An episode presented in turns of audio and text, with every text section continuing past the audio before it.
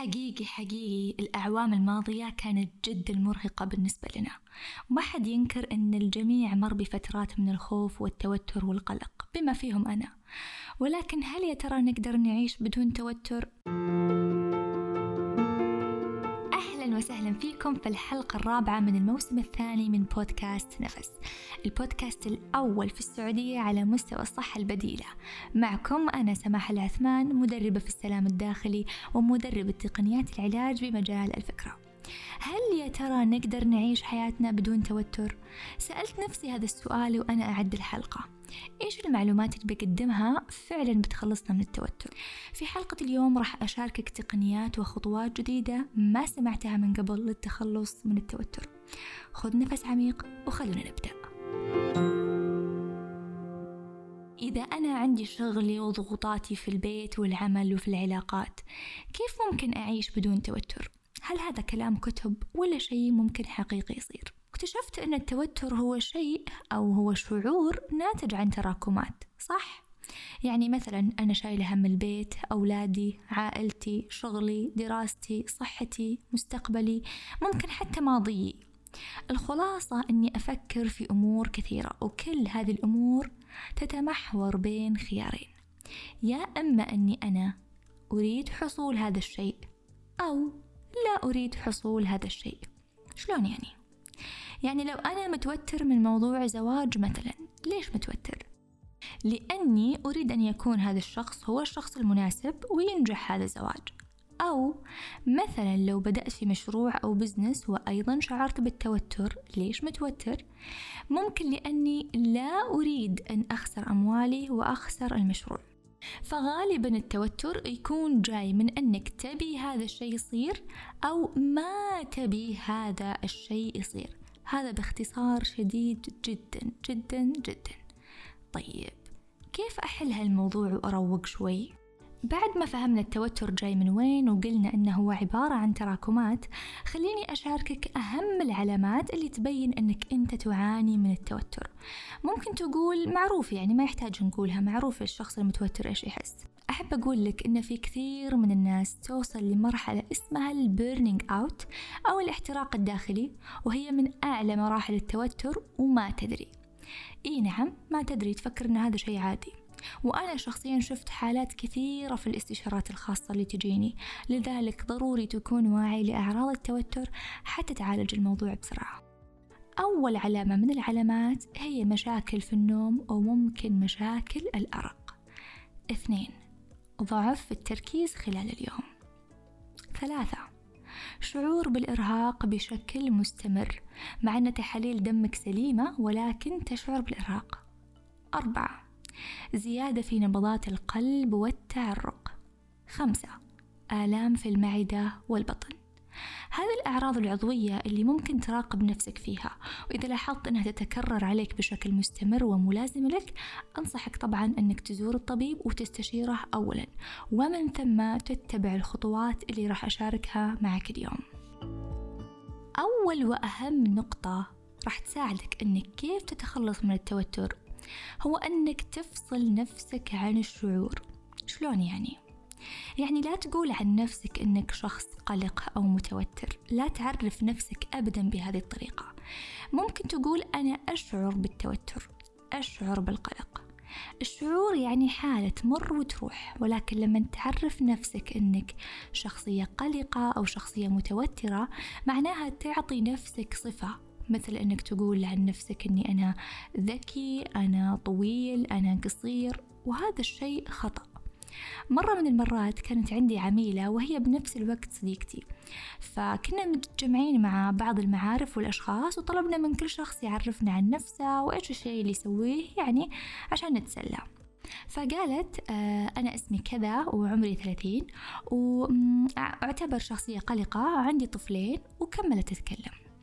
وهنا كأنها نسبت لنفسها صفة ثابتة إنها شخصية قلقة. يعني هذا من ضمن التعريف عن نفسها إنها شخصية قلقة.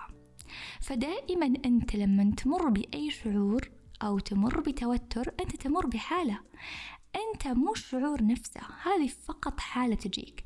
طبعا هذا له علاقة طويلة عريضة مع العقل الباطن وعشان أختصرها عليك أفصل نفسك عن الشعور.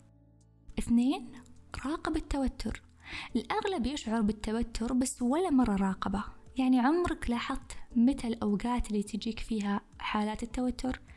ممكن في الصبح ممكن بالليل. آه إيش الفكرة اللي تجي على بالك وبعدها تشعر بالتوتر؟ هل مثلا في صورة معينة آه، حديث مع شخص معين يشعرك بالتوتر؟ إيش اللي يحرك هذا التوتر؟ وتذكر إنها هي حالة تجي وتروح فضروري إنك تراقبها. راح أساعدك إني أعلمك تمرين بسيط. جرب إنك أنت تطبقه وهو أنك تخصص دفتر ملاحظات تكتب فيه حالات التوتر اللي تجيك. مثلا تكتب أن الساعة 11 الصبح أشعر بخفقان وتعرق. وبعدين أيضا كمان الساعة 5 مساء أشعر بنفس الأعراض. في نهاية اليوم راجع كل الأوقات اللي مر عليك هذا الشعور وشوف إيش خلفه. إيش ال stressor okay؟ إيش ال stressor أو المحفز اللي طلع عندك هذا الشعور؟ هذا الشيء بيساعدك في معرفة مصادر التوتر وبالتالي معالجتها. ثلاثة التوتر هي طاقة موجودة في جسمك. حرك هذه الطاقة. اسمح لها إنها تهتز خارج جسمك. مارس الرياضة. اركض. ارقص. اسمح لعضلاتك المشدودة إنها تسترخي من خلال الحركة. أربعة تنفس. تنفس. تنفس. وهنا أنا ما أقصد التنفس العادي لا. بإمكانك تطبيق تمرين تنفس الترقوة على قناة اليوتيوب وراح أشاركك الرابط في وصف الحلقة. أيضا من المفيد جدا أنك تتنهد بصوت مسموع أثناء الزفير. وممكن تلاحظ أثناء التمرين أنك تتثاوب كثير أو عيونك تدمع وهذا شيء طبيعي في بدايات تمارين التنفس. خمسة فرغ التراكمات يا صديقي. دائما اسأل نفسك هل الموضوع اللي أنا شايل همه له حل؟ إذا إيه أوكي حلو. شوف إيش الحل وطبق الحل. طيب إذا ما له حل أو الحل خارج عن سيطرتك. هنا يجي دور التسليم. سلم أمرك لله. ما عندك شيء أو حل تسويه فسلم الموضوع. أيضا من طرق التفريغ جرب أنك تعمل تأمل يوميا وابدأها بخمس دقائق فقط حتى تقدر تتواصل مع نفسك أكثر. أيضا تقدر تجرب تقنيات ال TFT وراح أشاركك في وصف هذه الحلقة. رابط دورة مجانية عندي فيها تقنيات ال TFT اللي راح تساعدك في تفريغ المشاعر من جسمك. يعني الآن أنا في هذه الحلقة أعطيتك خمس حلول. حاول أنك تطبق أربعة منها على الأقل واستمر لمدة أسبوع أو أسبوعين. إذا ما وصلت للنتيجة المطلوبة أنصحك أنك تستعين بشخص مختص. أحيانا كل اللي نحتاجه هو الدعم أو أن أحد يكون فوق راسنا على قولتهم. فإذا كنت مهتم أقدر أساعدك من خلال جلسات التي اف تي الخاصة اللي أقدمها راح تلقى رابط الحجز أيضا في وصف هذه الحلقة. اللي أبغى أوصله لك من خلال هذه الحلقة أن إحنا كبشر يتحكم فينا شيئين أساسيين وهذه على قولة إخواننا المصريين حطها حلقة في ودنك مشاعرك وأفكارك. ما تقدر تقول خلاص أنا بتخلص من التوتر وبتناساه كل اللي عليك تسويه هو أنك تتعلم أكثر عن نفسك عن جسمك عن عقلك كيف يشتغل وإيش يحتاج. كأن عندك جهاز وضروري تقرأ المانوال حتى تستخدمه بطريقة صحيحة وإلا بيتلخبط على كيفه. نفس الشيء جسمك. اكتشف المانوال حتى تتواصل معه وتقدر تعالج نفسك. الموضوع جدا بسيط مو معقد أو كلام كتب أو نظريات. بسط الموضوع جرب كل الأشياء اللي ذكرتها وشاركني تجربتك بعد أسبوعين من التطبيق على الأقل.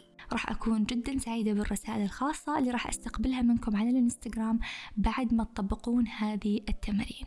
وأيضا لا تنسى تشارك هذه الحلقة مع شخص تحس إنه قلق متوتر مزعوج من العمل أو من المسؤوليات وحاب إنك تخفف عنه وممكن جدا يستفيد من هذه النقاط.